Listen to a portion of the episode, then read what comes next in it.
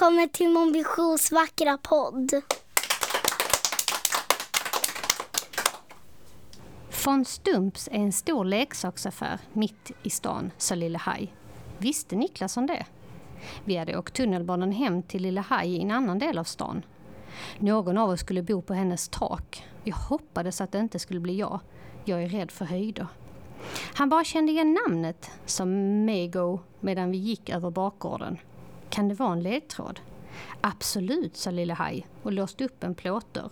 Rustan får berätta.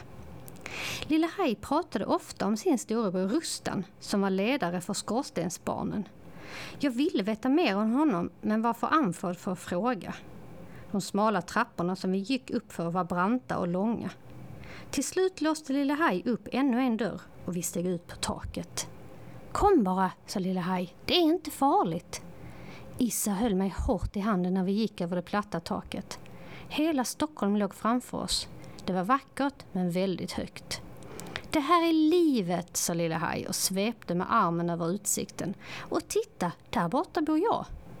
Det låg faktiskt ett litet hus längst bort på taket, gömt bakom skorstenarna. Det såg ut som en lekstuga eller ett eh, pyttelitet torp. Lilla Haj tog fram en nyckel under dörrmattan. Rösterna och jag fick det av gubben som byggde det, sa hon och öppnade dörren. Karlsson hette han, konstig typ. Han påstod att han kunde flyga, men kom in vet jag.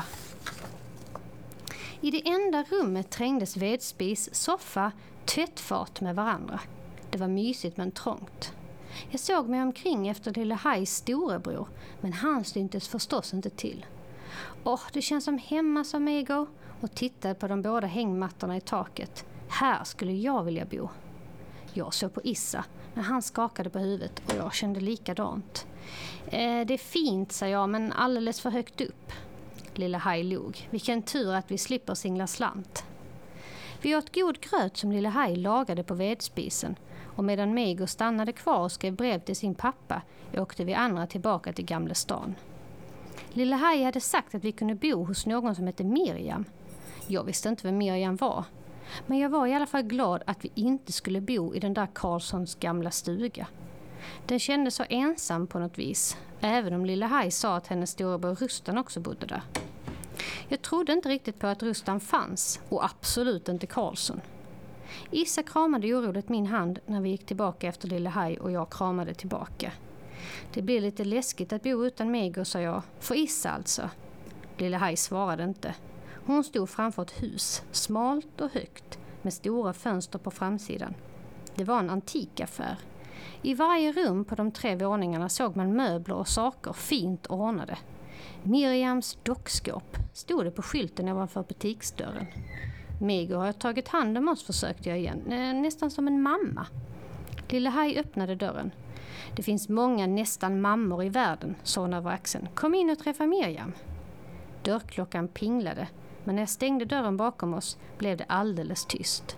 Bara en väggklocka tickade och det doftade lavendel. Sen hände något märkligt.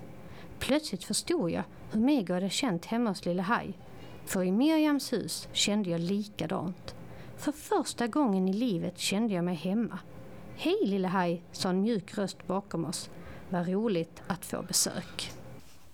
Tack till alla trofasta lyssnare. Hej då!